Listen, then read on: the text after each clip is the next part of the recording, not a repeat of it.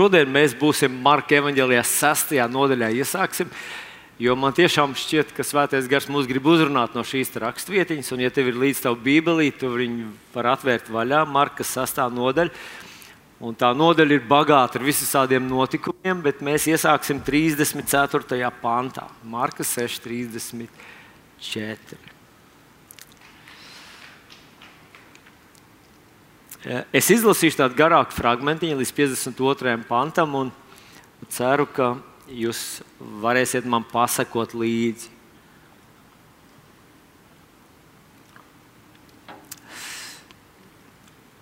Un Jēzus, izkāpdams malā, redzēja daudz ļaužu. Un sirds viņam par tiem iežēlojās, jo tie bija kā avis, kam nav gana. Un viņš sāka tos izdarīt daudz mācīt. Un bija jau vēls, kad mācekļi pie tā pienāca un sacīja: Šī vieta ir tukša un laiks jau vēls. Atlaid tos, ka tie var noiet apkārtējos ciemos un miestos un sev pirkt ko ēst. Bet viņš atbildēdams tiem sacīja: Dodiet jūs viņiem ēst. Un tie viņam sacīja, vai tad mums noiet un par 200 denāriem pirkt maizi un tiem dot ēst? Bet viņš uz tiem saka, cik maizes jums ir. Ejiet un raugiet. Un tie uzzinājuši, saka, piecas un divas zivis. Un viņš visiem pavēlēja pa pulkiem apsēsties zaļajā zālē, un tie apsēdās pulciņos pa simtiem un pa piecdesmit. Un viņš ņēma tās piecas maizes un tās divas zivis, skatījās uz debesīm pateicās un pārlauza maizes un deva saviem mācekļiem, lai tie viņiem liktu priekšā. Arī tās divas zivis viņš visiem izdalīja, un tie visi ēda un paēda. Un salasīja no druskām 12 pilnus grozus no zivīm. Un to, kas bija ēduši no tām maizēm, bija 5000. Un viņš tūdaļ saviem mācekļiem lika kāpt laivā un pa priekšu pārcelties uz Betsaidu, kamēr viņš ļaudis atlaistu. Un tos atlaidis viņš gāja kalnā dievu lūgt. Un kad vakars metās, tad laiva bija jūras vidū, un viņš viens pats malā. Un redzēdams, ka tiem braucot bija grūtības, jo vējš tiem bija pretī, viņš naktī gaiļos pie tiem nāca pa jūru staigādams, un gribēja tiem iet garām. Bet, kad tie viņu redzēja pa jūras staigājam, tie noturēja viņu par spoku un iesāka brēkt, jo visi viņu redzēja un izbijās. Un tūdaļ viņš ar tiem runāja un tiem saka: Turiet drošu prātu, es tas esmu. Nebīsties! Un viņš iekāpa pie tiem laivā, un vējš nostājās, bet tie bija pavisam iztrūkušies. Jo viņi notikumu ar maizēm nebija sapratuši, bet viņu sirds bija apcietināta.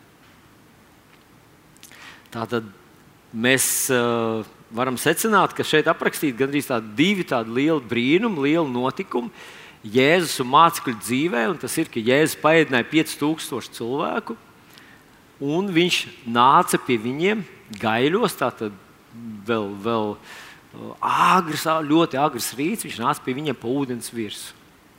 Bet ziniet, kas man uzmanību piesaistīja jau pašā, pašā sākumā, 34. pantā, mēs lasām tā, ka Jēzus ieraudzīja daudz ļaužu, un sirds viņam par tiem iežēlojās. Tātad Jēzus, kā mēs visi zinām, ir Dievs. Viņš ir šeit tādā mirstīgā cilvēka miesā, un kā mēs lasām Iesai grāmatā, tā miesa ir visparastākā miesa, kāda vien varēja būt. Parastāk nekā tev un man. Un viņš nāk, tātad viņš ir pie saviem mācekļiem, viņš ieraug šos cilvēkus, kas ir tā, tā rakstīts, kā avis, kam nav gana. Nu, es iedomājos, ja mēs ar tevi atrastos tur, tajā situācijā, mēs ieraudzītu tos cilvēkus, tā kā viņi ir apģērbušies, mēs kaut ko zinātu par viņu sadzīvi, tiem apstākļiem, kuros viņi dzīvo. Es domāju, ka mums arī paliktu žēl tos cilvēkus. Iespējams, ka kāds uzreiz izvilktu zobu pastu un sāktu dalīt tiem cilvēkiem. Varbūt, varbūt kāds viņam sāktu teikt par veselīgas ēšanas paradumiem. un mēs teiktu, nevajag tik daudz ēst maizi, jo tā, tajā laikā pamatēdienas bija maize. Un tad kaut kas tur, nu, kaut kas klāt. Ko tad dara Jēzus, ka viņam patiešām sirds iežēlojas par tiem cilvēkiem? Te rakstīts, viņš to sāka daudz mācīt. Ziniet, Dievs atbild kā Dievs un rīkojas kā Dievs. Mēs gribētu, lai viņš rīkojas kā cilvēks, bet Dieva ceļi ir daudz pārāk un augstāk par cilvēku ceļiem. Un viņš viņus sāk mācīt. Faktiski Jēzus dod šiem cilvēkiem labāko, kas viņam ir. Un viņš to pašu dara arī šodien ar mums. Tikai nevienmēr mēs to spējam apjaust, ka viņa vārds ir tas nozīmīgākais, lielākais, stiprākais un bagātākais resurs, kur mēs varam iegūt. Tātad viņš viņus uzrunā un māca daudz. Saki, daudz mācīt. Ir cilvēki, kuriem saka, ka viņi labprāt iet uz dievkalpojumu, ja vien tur tik daudz nerunātu. Ja mēs ļautu Jēzum, lai viņš mūs uzrunā mūsu situācijā. Un viņš savā mīlestībā un savā žēlstībā gribētu mums palīdzēt. Viņš daudz mums mācītu. Un viņš to dara šodien caur savu vārdu, Bībeli. Bet tātad viņš daudz viņus uzrunāja. Un tad mācekļiem saka, kungs, bet viņiem taču vajag arī paēst. Un, zinot, Jēzus nesaka, ka strūns par ēdienu, ka tikai es varu mācīt. Nē, viņš saprot, ka viņam vajag to. Un viņš saka viņa mācekļiem, lai viņi mācekļi apmierina šo cilvēku vajadzību. Un kā jau mācekļi, kā visi gudri cilvēki, viņi tuliņi tver pēc makiem un sāk likt kopā, cik mums ir, cik mēs varam samest. Un viņi nonāk pie secinājuma, ka viņi varētu dabūt 200 denārijus. Vai tas bija jūdas kasē, tad jēzus kalpošanas kasē, vai tas bija kopā samest, to mēs īsti nezinām bet tas cipars ir liels cipars. Tā ir gandrīz pusgada viena darbinieka alga. Tas, manuprāt, ir diezgan daudz. Bet, ja es saku, ne jau par naudu es runāju, ne jau par tavu resursu es runāju, kad es tevi sūtīju šajā pasaulē, kad Dievs tevi un man nolika tajā vietā, kurā mūs nolika, Viņš nereiķinājās ar mūsu smadzeņu rievu dziļumu, ar mūsu raksturu spēku, ar to mūsu apģērbību un izlēmību. Viņš rēķinās ar to resursu, ko viņš mums ir devis. Un šeit tas ir ļoti spilgti redzams, ka Jēzus sacīja: sasēdiniet cilvēkus un dodiet to mazumiņu, kas jums ir manās rokās, un ar to pietiks. Bet vēl kāda doma man piesaistīja. Mācekļiem šķiet divi lieli brīnumi. Viens tātad jēzus ar piecām maizēm paēdina 5000, un otrs, ka Jēzus nāk pa ūdens virsmu. Un no šī fragmenta, ko mēs izlasām, šķiet, ka mācekļi ir tik ļoti pārsteigti par to, ka Jēzus nāk pa ūdeni, ka salīdzinot ar Jēzus maizes pavairošanas brīnumu, tas šķiet, ka tas nav nekas. Bet bibliskais koncepts, vai tā kā mēs izlasām šeit, šajā konkrētajā raksturvietā, manuprāt, ir ka vajadzēja būt otrādi. Ka tā kā sagaida, tas 52. pants saka, viņa sirds vēl bija cietas, notikumu ar maizēm viņi nebija sapratuši. Nu, es, protams, nevaru nevar atbildēt par visu mūsu pieredzi. Un iespējams, ka te ir cilvēki, kas ir profesionāli pavāri, kas precīzi mākslinieki sadalīt porcijas. Ja nāk 15 cilvēki, cik daudz vajag kartupeļus, cik daudz gaļas, cik daudz mērces, cik daudz salātu. Nu, man nav tādas zināšanas, bet, bet eh, nu, mazliet aptuveni spriež. Nu, kad, kad, ja tev ir kaut kāda ciemiņa, nāk, un ja, ja, ja teiksim, nāk 15 cilvēki, nu, tad tā ir saimniecei tas divu, dar, divu dienu darbs. Viņi jau sāk jau kaut ko iepirkt, jau sāk domāt, jo tur jau viss tas kalkulācijas, tad viņi ies kaut ko iecep, kaut ko ieskābē, kaut ko apvāra, kaut ko sasaldē vai atsaldē, vai vēl kaut ko dara. Bet tas tāds paliels darbs, paēdināt 15 cilvēkus. Bet iedomājieties, pie tevis nāk 15 pusauģi. Nu, tas, Tas, jūs zināt, kā pusauģēt. Pusauģi nevar uzreiz, uzreiz apēst daudz, bet viņi var ik pēc 15 minūtēm apēst daudz. Viņi apēd, un pēc 15 minūtēm atgriežas, un viņi var atkal apēst, un atkal apēst. Nu, vienmēr sakot, tas ir diezgan nopietni. 15 cilvēki. Bet iedomājieties, ka pie tevis nāk 50 cilvēki. Ko tad lai liek galdā? 50 cilvēkiem tur vajag laikam veselu komandu ar pavāriem. Šis gadījums ir 5000 vīru, neskaitot sievas un bērnus. Es gandrīz varu sadarīt, ka neviens no mums nekad nav ēdinājis 5000 vīru, neskaitot sievas un bērnus. Un iedomājieties, cik daudz ēdienu vajag. Nu, es uzreiz nemācīšu kartupeļus, bet, ja katram uz šķīvi ir divi kartupeļi, vajag desmit tūkstoši kartupeļus, nu, bumbuļus vīriem vien. Neskaitot pusauģiem un sievām. Un cik ēd sievas? Divreiz vairāk, jā? Ja? Nē. Nu, vienvārds sakot, iedomājieties, brīnums, kur jēzus ar piecām maizēm paēdina piecus tūkstošus, un viņam vēl paliek pār 12 grozu. Cik liels brīnums tas ir? Cik liels brīnums, kā jums šķiet, cik liels brīnums tas ir? Manuprāt, tas ir. Ja mēs varētu tās, mai, tās piecas maizes, tad viss tas kauns, ko apēda 5000 plus sievas un bērni, plus 12 grozi, tur bija jābūt tādam šokam, ka Jēzus faktiski ir radījis. Viņš ir no viena atoma radījis veselu, nu, es nezinu, atomos nemāku rēķināt, bet kaut kas grandios tur ir noticis. Bet 52. pantā ir teikts, ka mācekļi nesaprata. Un ziniet, kāpēc nesaprata? Latviešu Bībelītē to nevar īsti redzēt, mēs paskatāmies oriģinālo tekstu, tur tas vārdiņš ir lietots, jo viņi īsti par to vispār nedomāja. Un tāpēc viņi nesaprata. Un tāpēc viņi bija tik ļoti pārsteigti, ka Jēzus nāca pie viņiem pa ūdens virsmu.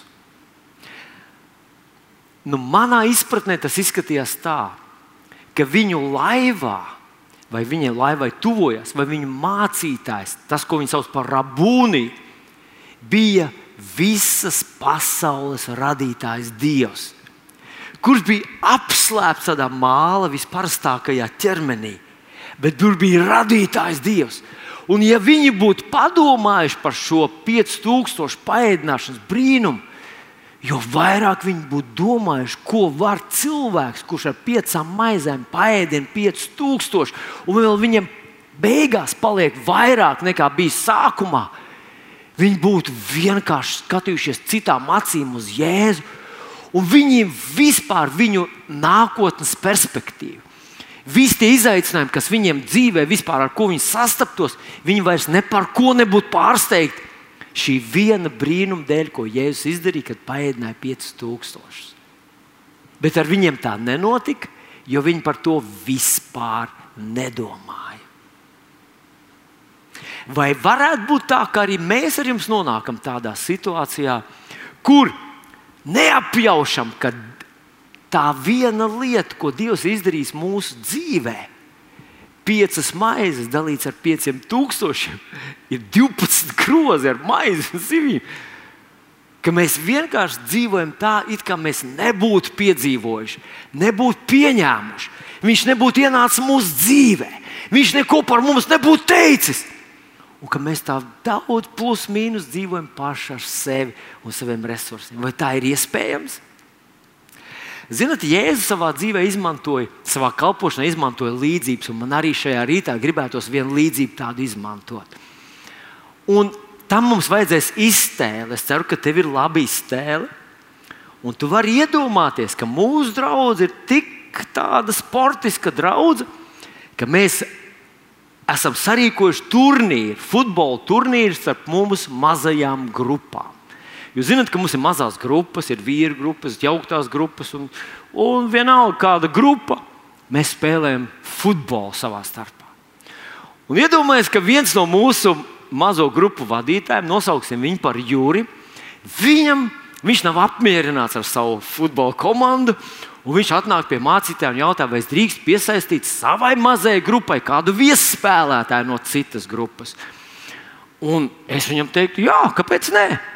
Un viņš saka, zini, mūs, jā, starp citu, es iepazinos ar vienu ģimeni mūsu draugiem kādas eh, svētdienas atpakaļ, kas ir no Portugāles un kas regulāri nāk uz mūsu ģimeni.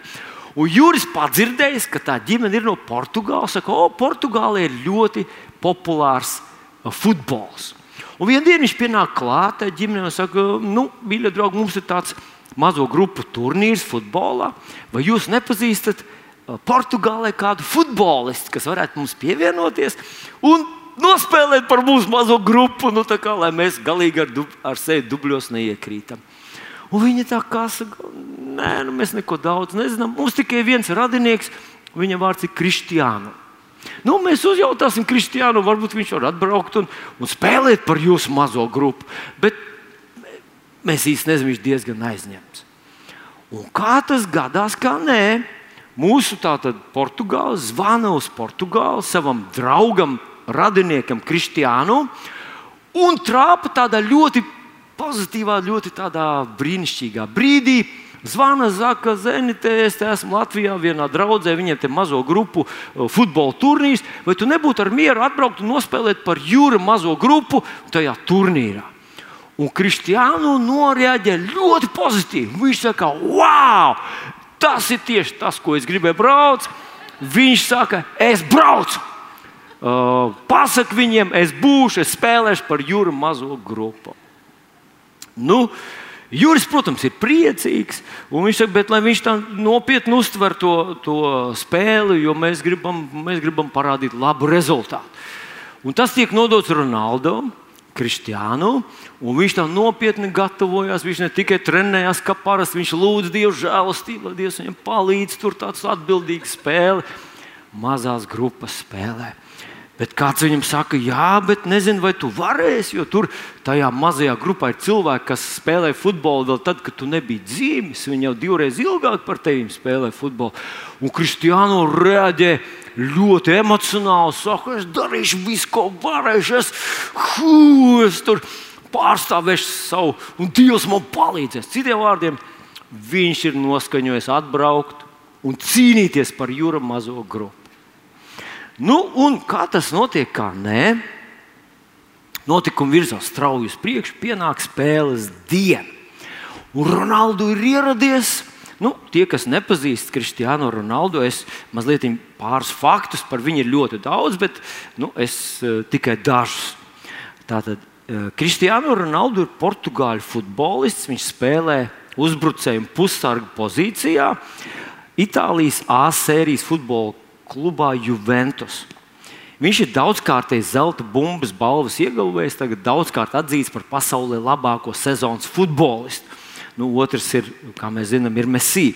Nu, ir arī citi bijuši. Bet tā tad viņam ir daudz visādu tādu neparastu rekordu ar viņu. Bet viens no tiem, viens no pēdējiem, bija 2018. gadā. Futbola klubs Juventus gribēja iegūt kristiānus savā rindās. Un viņiem vajadzēs samaksāt pārejas maksu. Tātad, lai viņš no iepriekšējā kluba pārnāktu pie viņiem. Un kā jūs domājat, cik viņiem bija jāsamaksā, lai kristiānu spēlētu viņu klubā? Un, protams, visi mēs esam izglītoti cilvēki. Mēs visi zinām, tur jau miljoni ir daudz. Nu, absolūti pareizi. Viņi samaksāja 100 miljonus tikai par to, lai viņš spēlētu viņu klubā. Nerunājot jau par algu, kuriem, kuru viņiem vajadzēja maksāt pašam Kristiānam.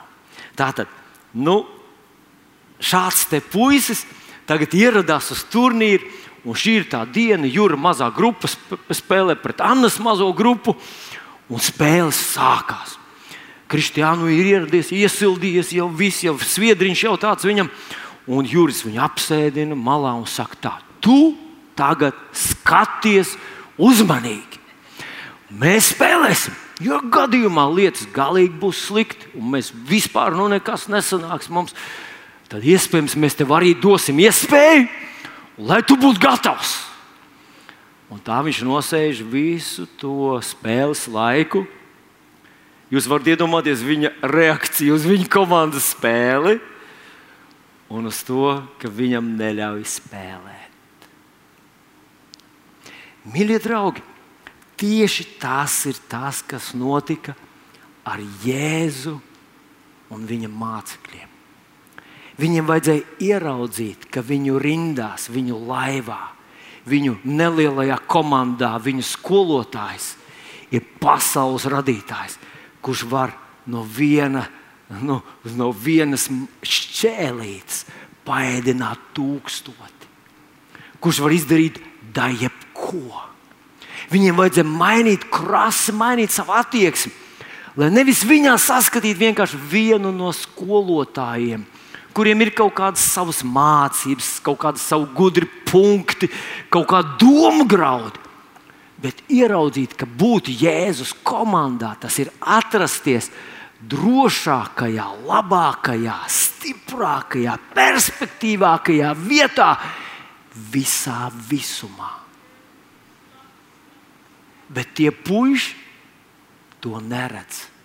Jo vienkārši viņi nepārdomā, par tiem darbiem, ko viņi piedzīvo, to par tiem brīnumiem, kuros atrodas.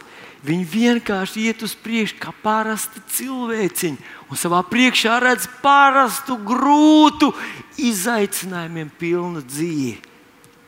Kamēr viņi komandas rezervistu solā sēž zvaigzne, visums spilgtākā zvaigzne. Ziniet, es iedomājos, vai nav tā, ka arī mēs spēlējam dažādos mačos. Mēs spēlējam veselības mačā, varbūt. Un mēs sakām, mēs paši, un mēs iespringstam, un mēs mobilizējamies, un mēs noskaņojamies, un mēs iesildāmies. Bet mēs neiesaistām galveno spēlētāju, kas varētu nodrošināt mūsu uzvaru. Ja es pareizi atceros, tad Kristiānu šī pasaules čempionāta nu, pieskaitot šī pasaules čempionātā gūtos vārdus, ir visā futbolā. Iespējams, ka es kļūdos, bet kaut kur es kaut kādu tādu dzirdēju, kaut kādu tādu virsrakstu, ka viņš ir iespējams rezultatīvākais futbolists visā pasaules vēsturē, kurš ir tik daudz sasits iekšā gols. Un viņš ir rezervistos. Iespējams, ka cīnīties savā finansiālajā spēlē, un tu uzkoncentrējies, un tu noskaņojies, un tu vispār neiesaist, tu neļauj būt pasaules labākam uzbrucējam. Darīt savu darbu, ko viņš dara. Izcili labāk, vai, vai vienalga, kāda arī nebūtu joma, kurā šobrīd tu atrodies savā dzīvē. Vai nav tā, ka tas, kurš tev varētu palīdzēt visvairāk, tu viņu vienkārši neiesaisti? Un zini, tas nebūtu nekas jauns. Jo ebreju vēstulītē, trešajā nodaļā, mēs izlasīsim fragmentiņu, ka cilvēki to darījuši cauri visai vēsturei. Cilvēki, kas ir bijuši iesaistīti vistuvāk, visvairāk, piedzīvojuši vislielākos brīnumus. Vienkārši tā kā neredzēja to, vienkārši brīdi uz priekšu, kā parasti klejotāji, neapjaušot kādu bagātību viņiem pieder. Nu, Rekur es gribu izlasīt no ebreju vēstures 3. nodaļas, no 7. panta. Tāpēc, kā svētais gars saka, šodien, kad tu dzirdi viņa balsi, mēs daudz varam lasīt par to, kas toreiz bija Bībeles laikos. Tur kaut kādas pirmo, otro, trešo un ceturtās atmodas laikā, kas ir bijis bet viņš saka, šodien, tavā dzīvē, tavā situācijā, tavā laikā, kad tu dzirdi viņa balsi, neapcietini savu sirdi. Kā mācekļi apcietināja savu sirdi? Viņi vienkārši domāja par ikdienu. Viņi bija nodarbināti ar ikdienu. Viņi reaģēja uz ikdienu. Viņi vienkārši skatījās apkārt un redzēja parasto dzīvi pirms Jēzus un pēc Jēzus ienākšanas. Un neredzēja to, kas viņu fiziskām acīm bija apslēpts. bet kuru viņam vajadzēs saskatīt ar savām ticības un gara acīm. Tātad neapcietiniet savas sirds kā sarūktinājumā, kārdināšanas dienā, tuksnesī, kur jūsu tēvi mani kārdinājuši, pārbaudīdami, kaut gan bija redzējuši manus darbus 40 gadus. Ziniet, dažreiz mums ir tāds sajūta, ka ja vien mēs redzētu reāli Dieva roku, tad mēs viņam noticētu. Tad mēs viņam uzticētos. Dažreiz jauniem cilvēkiem ir tāds sajūta, ka viņi nu, nav īsti. Viņi dzird, ko tur teica, un mamma lepina kaut ko stāsta. Bet kurš klausa un tic tētim un mammai? Un tur ir tā dumjā, lielā, vispasaules vislielākā kļūda. Ka tie, kas ir gājuši tev pa priekšu, ir iekāpuši tajos mēslos, kuros grib, lai tu neiekāp. Bet kurš to klausa tiem, kas ir gājuši pa priekšu? Vai ne? Es taču esmu pirmatklājējis. Un tādā ziņā es visu cieņu dodu savam tēvam. Viņš teica, es esmu redzējis, ko alkohols var izdarīt ar vīrieti. Es esmu redzējis, ko egoisms var izdarīt ar vīrieti. Es esmu redzējis, ko Jēzus var izdarīt ar sievieti, kur ir necilvēcīgi grūtos apstākļos, bet uzticās viņam. Un viņš teica, dēls, tur nē. Un man pietika gudrības un pietika saprāta, lai ieklausītos tēva vārdos. Atcerieties, Bībelē saka, godā savu tēvu un māti. Izvairīsies no daudzām bedrēm, kurās tu būtu iekritis. Ļaus, lai mīlestība tevi un mani uzrunā. Un tā tad viņi 40 gadus redzēja vislielākos brīnumus. Viņi redzēja Eģiptes brīnumus. Viņi redzēja, kā faraona armija noslīd sarkanā jūrā. Viņi redzēja, kā sarkanā jūra pašķirās. Viņi redzēja mākoni karstā dienā. Nu, pat mēs ar jums piedzīvojam, ko nozīmē viens mākonis. Oh, oh, cik skaista vasara! Māsas mākonis aizgāja priekšā saulē. Iedomājieties, viņi zem tāda mākoņa staigāja 40 gadus un neko nesaprata. Viņi redzēja uguns stābu sev aiz muguras. Un viņi nesaprata, ka Dievs viņiem palīdz, ka varam uzticēties viņiem. Viņi apcietināja savus sirdis. Un, protams, ja tu palasīsi šo nodaļu, tu redzēsi, ka tur bija reāli grēki, kuros viņi, viņi padevās. Grēks apcietina sirdi. Varbūt tev nenocirta roku, tev neieslika uh, cietumā. Varbūt tev nesaņēma, nu, policija nearestēja. Bet kaut kas ļoti nelabojams notiek ar katru cilvēku, kurš ļaujās grēka saldumam. Viņa sirds paliek cieta. Un mēs lasām, ka viņi nevarēja ieiet apsolītajā zemē tieši šīs cietās sirds dēļ. Bet ir vēl viena lieta, kas apcietina sirdi, un tā ir ikdiena cilvēks, kurš ir nodarbināts ar ikdienu, ikdienu, ikdienu, ikdienu, ikdienu. ikdienu. Kad runā Dievs, viņš tā kā runā no citas operas. Un tu kā paklausies uz viņu. Bet kāds tam sakars ar visu to, kur es atrodos? 40 gadus dzīvot brīnumos un vispār nesaprast, ka mērogi, ka likmes, ka tas, kurš ir ar tevi, ir pasaules radītājs. Un tad tur ir teikts, ka Dievs apskaitās un iznīcināja visus tos, kas bija sadumpojušies pret viņu. Neticība daļēji ir dumpis pret Dievu. Tu saki, bet mēs neticam, pierādi. Viņš saka, 40 gadus viņi prasīja no manis pierādījumus. Un tad es teicu, pietiek. Vai varētu būt tā, ka manā dzīvē ir noticis kāds brīnums, ko Dievs ir izdarījis, un es esmu to aizmirsis? Es par to vienkārši nedomāju. Jo man liekas, tas bija tik sen, un varbūt nemaz nebija tik briesmīgi, nu, kā es aprakstu to kādreiz un es aizmirstu. un es nepiefiksēju, ka tai manajā laiviņā, tai manā viļņa dzīvītē, mazā pilsētiņā, mazā tautiņā, ka ir, es neesmu viens tajā savā dzīvē, ka ar mani ir kopā debesu un zemes radītājs. Un es varu uzticēties viņam. Ja viņš to izdarīja vienreiz, jūs drusku zinat dažus no maniem dzīves notikumiem, Dievs man dziedināja no reimatisma. Mēs esam piedzīvojuši ģimeni, mēs esam piedzīvojuši, kas ir trūkums. Es neteikšu, ka nabadzība, varbūt mēs nezinām nabadzības to īsto formu, bet mēs zinām, kas ir trūkums. Un manuprāt, manuprāt, katram cilvēkam ir tas viņu bagātina, padziļina, kad viņš iziet tādam notikumam cauri, kad viņš zina, ka tev ir tik maz, tik maz, cik maz vien tev var būt.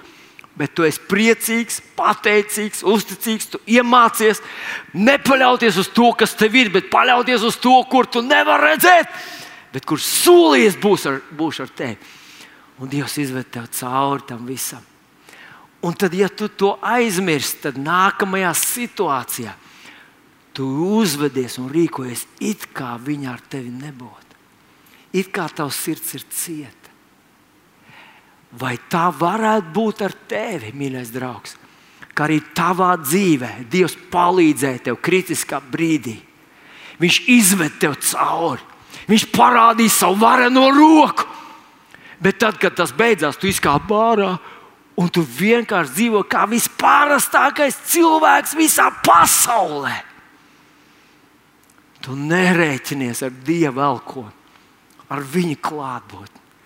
Tu nosēdini viņa rezervistu solā un saki, zini, tagad es pats, bet ja lietas galīgi sajies tūtā, nu tad es nākšu pie tevis, teikšu, lai par mani aizlūdzu, man, man palīdz. Tas būtu ģeķīgi. Bet mēs ar tevi, mīļais brāl, māsas, jau esam tā kā Kristus mācekļi. Mēs esam iesākuši staigāt viņam līdzi. Mēs iesāku, esam iesākuši respektēt viņa vārdus. Un lietas jau mazliet notiek mūsu dzīvē. Bet, zini, tam mums vajadzētu vēl vairāk radīt mūsu to izsalkumu sajūtu. Tam vēl vairāk mums vajadzētu iedrošināt, uzticies viņam, uzticies viņam, uzticies viņam. Mums vajadzētu tā kā turpat ebreju vēsturītes Uh, autors saka, pamāca cits citu katru dienu. Labākais. Ziniet, tas, tas bija kāds, kāds dienas atpakaļ. Mēs ar Līgu runājam par 91. psalmu. Tur rakstīts, viņš pasargās tevi, viņš liks taviem, eņ, saviem eņģeļiem, viņš pasargās tev kā tu neiekritīs. Un mēs kaut ko mazliet runājam par to. Un Līga saka, un, ziniet, kad ir tādi brīži, kad Līga runā nopietni, tad Jūs to nepalaidīsiet garām. Viņa pagriezās pret mani un teica, ir tā, kā ir rakstīts. Un es teicu, Amen! Hū, mums saskan. Mēs sakām, ja ir tā rakstīts, tad ir tā, kā rakstīts. Mēs darām, kā rakstīts. Notiek kā rakstīts. Halleluja! Hū! Zinat, kādā vietā Jēzus saka tādus vārdus? Ja es nebūtu darījis darbus, kurus neviens cits nav darījis, viņam nebūtu grēka. Bet nu viņi tos ir redzējuši, bet netic.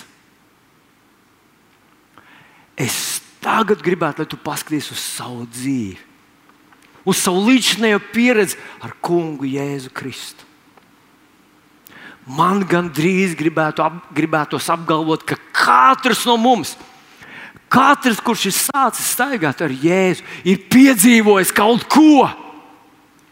Un tas mums uzliek atbildību. Ka nevis izturēties, jā, es nekad ne Dievs, ja tu esi. Tas bija anekdotisks gadījums vienā lūkšanā, kad viena ticības māsa, kur es pazinu, kā ticīga māsa, desmitus gadus iznāca priekšā un liecināja kaut ko par savu dzīvi. Un jūs zināt, kādu izdarīja secinājumu? Dievs ir! Man atkārās žoklis. Nē, ne par to, ka viņi tā sajūtās. Jo savā miesā mēs ik pa laikam varam sajusties, ka kā mēs neko neesam piedzīvojuši. Un tad Dārvids saka, neaizmirst man dvēseli, ko tas kungs tev labi darīs. Neaizmirst Jānu, Pēteru, Ulu, Kārli, Ilzi, Līgu, Vilnu. Neaizmirst, ko Dievs tavā dzīvē jau ir darījis. Neaizmirsti, viņš piedod visus tavus grēkus un dziedē visas tavas vainas. Uzticies viņam! Uzticies viņam! Ak, vai! Ak, vai! Ak, vai paskatieties, ko Jēzus sacīja. Marka evanģēlī viņš sacīja šos vārdus, bet šīs zīmes ticīgiem ies līdzi. Manā vārdā tie ļaunus garus izdzīs. Manā vārdā tie ļaunus. Pati pirmā lieta ir tā, ka visa pasaule nav gara. Pirmais, ko darīs kāds, kurš tic Jēzum Kristum, viņš dzīs ārā ļaunos garus. No kurienes? Vienalga, no kurienes vai tie, kas nāk tev domās virsū, kas uzbrūk tavai ģimenei, uzbrūk tavām finansēm, uzbrūk taviem bērniem, uzbrūk jebkam. Pirmkārt, ar ko nāk ļauni gari, ir ar meliem. Un meliem, ko tu vari nolikt pre pretī, tur nedara kliēkšana, tur vajadzīga patiesība. Un patiesība ir uzrakstīta. Pēc jēzus, kad viņam bija cīņa ar vēlnu, teica, stāv rakstīts, stāv rakstīts, stāv rakstīts. Halleluja! Kāpēc mēs to nelietotu? Bet šīs zīmes tiem ticīgiem ies līdz tev un man. Tev un man iet līdz šīs zīmes. Dažreiz mēs tās neredzam, viņas seko aiz muguras, un mēs tikai visu laiku skatāmies lielām acīm uz priekšu. Šad tad vajag paskatīties atpakaļ un teikt, līdz šejienei Dievs man ir palīdzējis. Viņš ir bijis uzticams, viņš dziedināja, palīdzēja, viņš izveda finansēs, viņš atbildēja, viņš mierināja, viņš deva spēku, viņš deva redzējumu, viņš ir ar maniem. Un, ja Viņš ir ar maniem, Viņš būs ar maniem visu mūžību. Viņš būs ar tevi, mīļais draugs, visu mūžību. Manā vārdā tie ļauns gars izdzīs, jaunām mēlēm runās. Ko nozīmē, ka mēs ar tevi runājam jaunās mēlēs? Ko tas nozīmē? Tas nozīmē, ka mēs esam dabūjuši spēku no augšas. Jēdziet, bet jūs dabūsiet spēku no augšas, ka svētais gars būs nācis par jums un būsiet man liecinieki. Un mēs tik ļoti lielu akcentu liekam uz to, ka mēs esam tie liecinieki, mēs esam tie liecinieki. Bet, kad Jēzus runāja par Svēto garu, viņš teica, Viņš dos liecību par mani. Bet arī jūs dosiet liecību. Tas nozīmē, ka tu runā, tu vari paļauties Svētais gars. Apstiprina tavs vārds, pastiprina. Viņš viņus atgādina, viņš uzrunā to cilvēku, kur tu uzrunā. Huh. Halleluja! Tie izdīs ļauns gars, jaunām mēlēm runās. Tie ar rokām pacels čūskas. Un kas ir tas čūskas? Kad tie dzers nāvīgas zāles, tās tiem runā, ka mēs šodien visu laiku dzerot nāvīgas zāles. Vai jūs nu, kādu laiku atpakaļ dzirdējāt, bija pētījums? Pētījums šobrīd ir par visu, par visu ir pētījumi. Tējas maisiņu, kad jūs iemetat tējas maisiņu iekšā tajā tējā un izņemat pēc tam ārā, viņš ir atstājis tur plasmas, kaut kādu tur puskilogramu apmēram, vai, vai, vai, vai drusku mazāk varbūt. Un katru reizi, kad jūs iedzerat tējas krūzīti, jūs iedzerat pus, nu, kurš vairāk, kurš mazāk.